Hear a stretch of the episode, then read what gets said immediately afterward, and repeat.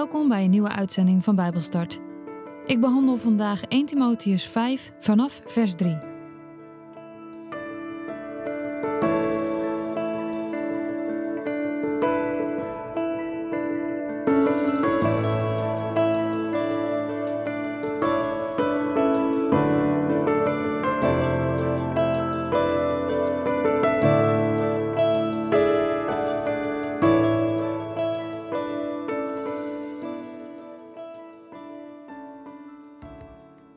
Ik lees met jullie uit de basisbijbel 1 Timotheus hoofdstuk 5 vanaf vers 3 tot het einde. Zorg voor de weduwen die helemaal niemand meer hebben. Maar als een weduwe kinderen of kleinkinderen heeft, moeten die eerst aan hun eigen familie laten zien dat ze gelovigen zijn en dus voor haar zorgen. Door voor de oude mensen in hun familie te zorgen, bedanken ze de oude mensen voor wat deze vroeger voor hen hebben gedaan. Want dat wil God graag. Een echte weduwe, dus één die helemaal alleen is, vertrouwt helemaal op God en bidt dag en nacht tot Hem. Maar een weduwe die er maar op los leeft, is levend dood. Leer ook deze dingen aan de mensen. Dan kunnen ze op de goede manier leven, zoals God het wil. Maar als iemand niet voor zijn familie wil zorgen, niet eens voor de familieleden die bij hem in huis wonen, dan is hij geen echte gelovige. Hij is zelfs nog erger dan een ongelovige. De volgende weduwe mag je opnemen in de groep die door de gemeente verzorgd wordt. Vrouwen van 60 jaar of ouder die maar met één man getrouwd zijn geweest. Er moet van hen bekend zijn dat ze hun kinderen goed hebben opgevoed, dat ze gastvrij zijn geweest, dat ze de gelovigen hebben gediend, dat ze mensen in moeilijkheden hebben geholpen en voor iedereen goed zijn. Maar jonge weduwen moet je niet in die groep opnemen. Want als hun liefde voor Christus minder wordt, willen ze trouwen. Dan zijn ze schuldig omdat ze hun eerdere belofte aan Christus hebben verbroken. Maar ook zullen ze gauw lui worden, doordat ze niets te doen hebben. Dan wennen ze eraan om bij iedereen op visite te gaan. Dat is niet het ergste, maar daar houden ze zich alleen maar bezig met kletspraat en geroddel en met praatjes over dingen waar je niet over hoort te praten. Daarom wil ik dat jonge weduwen weer trouwen, kinderen krijgen en voor hun huis en hun gezin zorgen. Dan geven ze de tegenstanders van het geloof geen kans om slechte dingen van hen te zeggen. Want een paar van hen hebben het geloof al verlaten en zijn de duivel achterna gegaan. Als een gelovige man of vrouw weduwen in de familie heeft, moet hij of zij zelf voor hen zorgen. Dan hoeft de gemeente dat niet te doen. Dan kan de gemeente voor de weduwe zorgen die dat werkelijk nodig hebben, omdat ze helemaal geen familie hebben. Leiders in de gemeente die op een goede manier leiding geven, hebben recht op veel respect en op een goed loon. Vooral de leiders die de mensen het goede nieuws vertellen en die lesgeven in het woord. Want de boeken zeggen: je mag een os die in de oogst werkt geen melkkorf omdoen. Hij moet onder het werken kunnen eten. En er staat ook: een arbeider heeft er recht op om beloond te worden voor zijn werk. Behandel een klacht over een leider van de gemeente alleen als er twee of drie mensen zijn die kunnen zeggen dat het waar is. En als hij inderdaad iets verkeerds heeft gedaan, moet je hem bestraffen waar iedereen bij is dan zullen de andere mensen ook ontzag hebben en zijn slechte voorbeeld niet volgen. Ik zeg je in de aanwezigheid van God, van Jezus Christus en van Gods engelen dat je dit eerlijk moet doen, zonder dat je van tevoren je mening al klaar hebt over iets of iemand. Leg niet zomaar iemand de handen op om hem te zegenen voor een bepaalde taak in de gemeente. Doe ook niet mee met de slechte dingen van anderen. Leef zoals God het wil. Drink voortaan niet alleen maar water, maar ook een beetje wijn. Dat is beter omdat je zo vaak ziek bent en last hebt van je maag. De ongehoorzaamheid van sommige mensen is zo duidelijk te zien dat iedereen er al van weet voor de dag van het oordeel. Bij andere mensen weet niemand er iets van. Dan wordt het pas later zichtbaar, op de dag van het oordeel.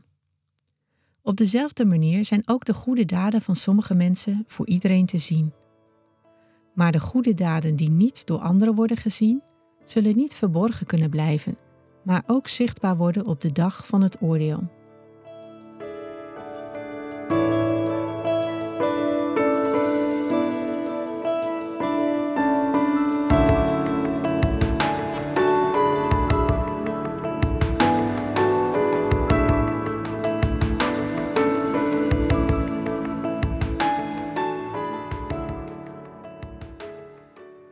Vers 3 in hoofdstuk 5 van 1 Timotheus staat hulp aan de weduwen. En vervolgens gaat het opnieuw over leiders in de gemeente. Maar eerst de eerste 13 versen die gaan over hulp aan de weduwen. Er waren in die tijd geen opvanghuizen, geen verzorgingshuizen of verpleegtehuizen. Er waren ook geen uitkeringen of levensverzekeringen. En de meeste vrouwen konden niet echt een goede baan vinden. En daardoor waren de weduwen meestal niet in staat om zichzelf te onderhouden. Als een weduwe geen kinderen had of geen andere familieleden had die voor haar konden zorgen, dan was ze veroordeeld tot armoede. En vanaf het begin nam de gemeente de zorg voor weduwen op zich, die op hun beurt dan weer waardevolle diensten verrichten voor de gemeente. Paulus wilde namelijk dat christelijke gezinnen zoveel mogelijk voor zichzelf konden zorgen. Hij stond erop dat kinderen en kleinkinderen voor de weduwen in hun familie zorgden. En hij raadde jonge weduwen aan om te hertrouwen en om een gezin te vormen. Hij beval de gemeente om luie leden die weigerden te werken niet te ondersteunen. Dat lees je vooral in 2 Thessalonicense 3 vers 10. Maar als het echt nodig was, dan brachten de gelovigen wel geld bij elkaar om zo toch financiële hulp te kunnen bieden. In Handelingen 6 lees je dat ze talrijke weduwen hebben verzorgd en financieel hebben ondersteund. Maar ze hielpen ook andere zwaar getroffen gemeentes. Dat kun je lezen in 1 Corinthië 16. Veel gemeentes hebben niet echt heel veel geld en zijn wel vrijgevig. En dat moet dus altijd goed met elkaar afgestemd worden. En dat kan alleen als gemeenteleden dus hard werken en onafhankelijk zijn. Zodat ze kunnen zorgen voor zichzelf, maar ook voor de armere mensen in de gemeente.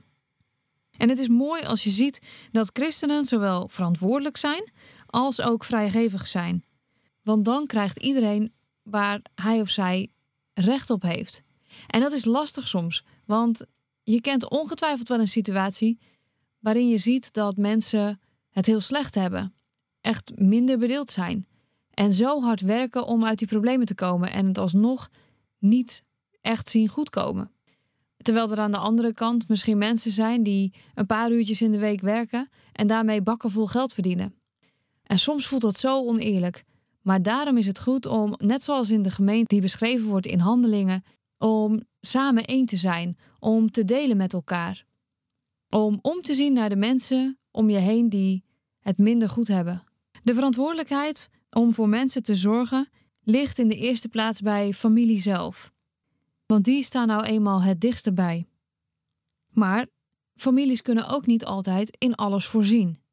En dan kon de gemeente bijspringen. De gemeente kon ook bijspringen voor mensen die geen familie hadden. En natuurlijk werden zij ook geholpen als ze jong of oud, gehandicapt, ziek of arm waren. Ze werden niet alleen financieel, maar ook geestelijk en emotioneel geholpen.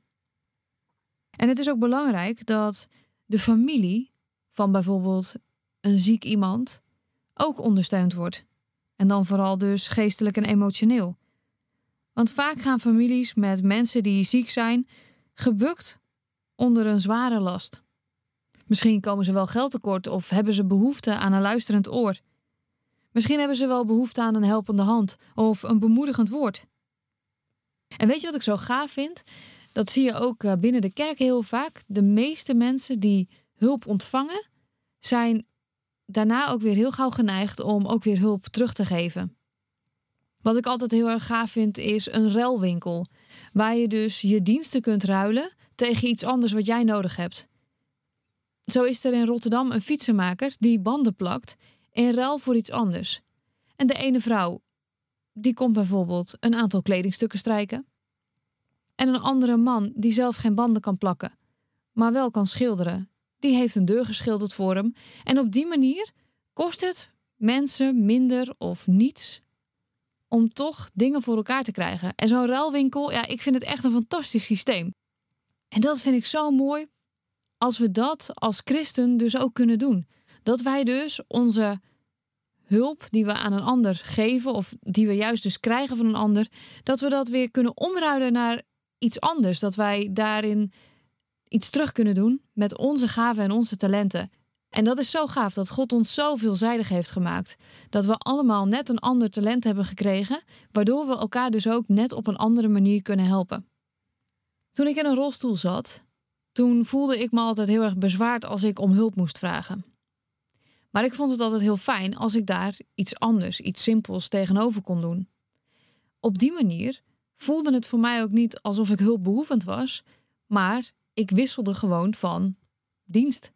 Ik deed iets wat die ander niet goed kon en die ander deed iets waar ik echt hulp bij nodig had. En op die manier voel je je ook als mens gewoon veel meer waard. Want hoe snel gebeurt het niet dat als je hulp nodig hebt, dat mensen dan denken dat je het niet kan, dat je in alles hulpbehoevend bent, dat ze je gaan betuttelen, dat ze dingen al voor je uit de weg gaan ruimen. Nou, daar had ik echt een verschrikkelijke hekel aan. Maar ik vond het dus fantastisch als ik dus wel iets anders daar tegenover kon zetten. En ik weet het, het is ook een valkuil, want dan is het ook lastig om te ontvangen om niet. En dat is nou net iets waar heel veel christenen mee eh, worstelen. Als het gaat over de genade van God, die we dus om niet ontvangen. En tegelijkertijd helpt het je om ook met beide benen in de wereld te blijven staan. Om naar mogelijkheden te kijken en niet alleen om je hand op te houden. Want zo voelde het dan voor mij als ik dan hulp nodig had. En dat wilde ik absoluut niet, want ik kon nog zoveel dingen wel. En iedereen die dan dus hulp ontvangt en die het dan ook weer doorgeeft aan een ander, als die het dan ook weer doorgeven aan een ander, dan zul je zien dat een gemeente echt een kring wordt van wederzijdse hulp, van onophoudelijk omzien naar elkaar en elkaar helpen. En volgens mij is dat echt ontzettend gaaf als je dat kunt bereiken als gemeente. Paulus is heel duidelijk over de groep mensen en de groep vrouwen die ze moeten opnemen in de zorg van hun gemeente. En dat zijn vrouwen van 60 jaar en ouder. En blijkbaar beloofde deze oudere weduwe dat ze, in ruil voor financiële ondersteuning, voor de gemeente zouden werken.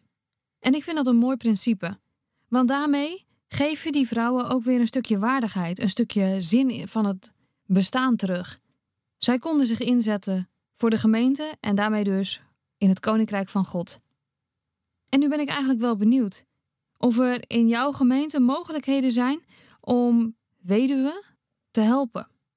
Want wat zou er gebeuren als zij hun gaven en talenten in zouden zetten voor de gemeente, voor het koninkrijk van God? Een mooi voorbeeld vind ik altijd mijn oma. Toen mijn oma weduwe werd, is zij aan de slag gegaan binnen de kerk in Venendaal. En zij heeft jarenlang van alles en nog wat aan taken gedaan. En vorig jaar werd ze 80 en toen zei ze: En nu is het tijd om het stokje over te dragen. En de taken die zij vervulde, daar hadden ze meerdere mensen voor nodig om dat van haar over te laten nemen. Want ze deed zo ontzettend veel. Maar het mooie was dat ze daarmee ook een stukje zingeving had gekregen. Ze was bezig voor God en zijn kerk. Ze was bezig met mensen, ze keek naar die mensen om.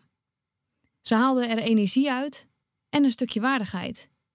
Nu is ze sowieso geen thuiszitter, want 9 van de 10 keer als ik haar bel, dan kan ik haar niet bereiken omdat ze op de fiets zit. Maar door zich in te zetten in de gemeente, kreeg haar leven een ander doel dan alleen maar voor zichzelf leven. En dat vind ik zo ontzettend gaaf. En ik denk dat het goed is als we de mensen in onze gemeente ook bemoedigen om dingen te gaan ondernemen. Vooral die mensen die alleen zijn. En niet omdat ze dan zielig zijn en dat ze dan er juist eens uitkomen en dat het dan beter met ze zal gaan. Maar vanuit de overtuiging dat ook zij zoveel talenten en gaven hebben die ze kunnen inzetten voor de Heer. Paulus richt zich nu op de weduwe. En dat is logisch, omdat de vrouwen in die tijd gewoon niet heel snel een goede baan hadden. Waarmee ze dus die financiële ondersteuning niet meer nodig zouden hebben. En de mannen in die tijd hadden vaak wel gewoon een baan waarmee ze geld verdienden om in hun eigen levensonderhoud te voorzien. Tegenwoordig is dat natuurlijk iets anders. Tegenwoordig zie je heel vaak twee verdieners, zie je dat zowel man en vrouw beide werken. En toch denk ik dat het principe van naar elkaar omzien en elkaar steunen nog steeds werkt. En nog steeds heel erg belangrijk is. Als er een man in jouw gemeente is, die het financieel misschien heel moeilijk heeft, maar wel andere talenten en gaven bezit, wat zou er dan mis mee zijn om zijn gaven en talenten in te laten zetten in de kerk? En dat is hetzelfde als met de vrouwen.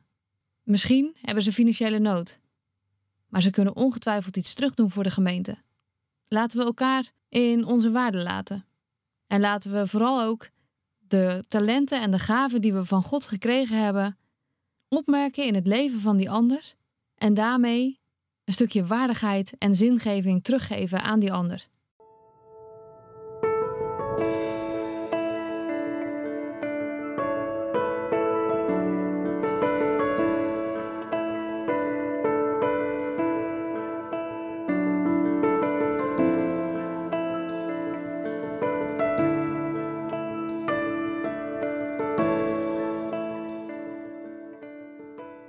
Dit was Bijbelstart, een programma van TWR. Het is gebaseerd op het Amerikaanse programma Through the Bible, ook wel TTB genoemd. En deze uitzending is een samenvatting van twee afleveringen. Wil je meer weten? Ga dan naar ttb.org of ga naar twr.nl/bijbelstart.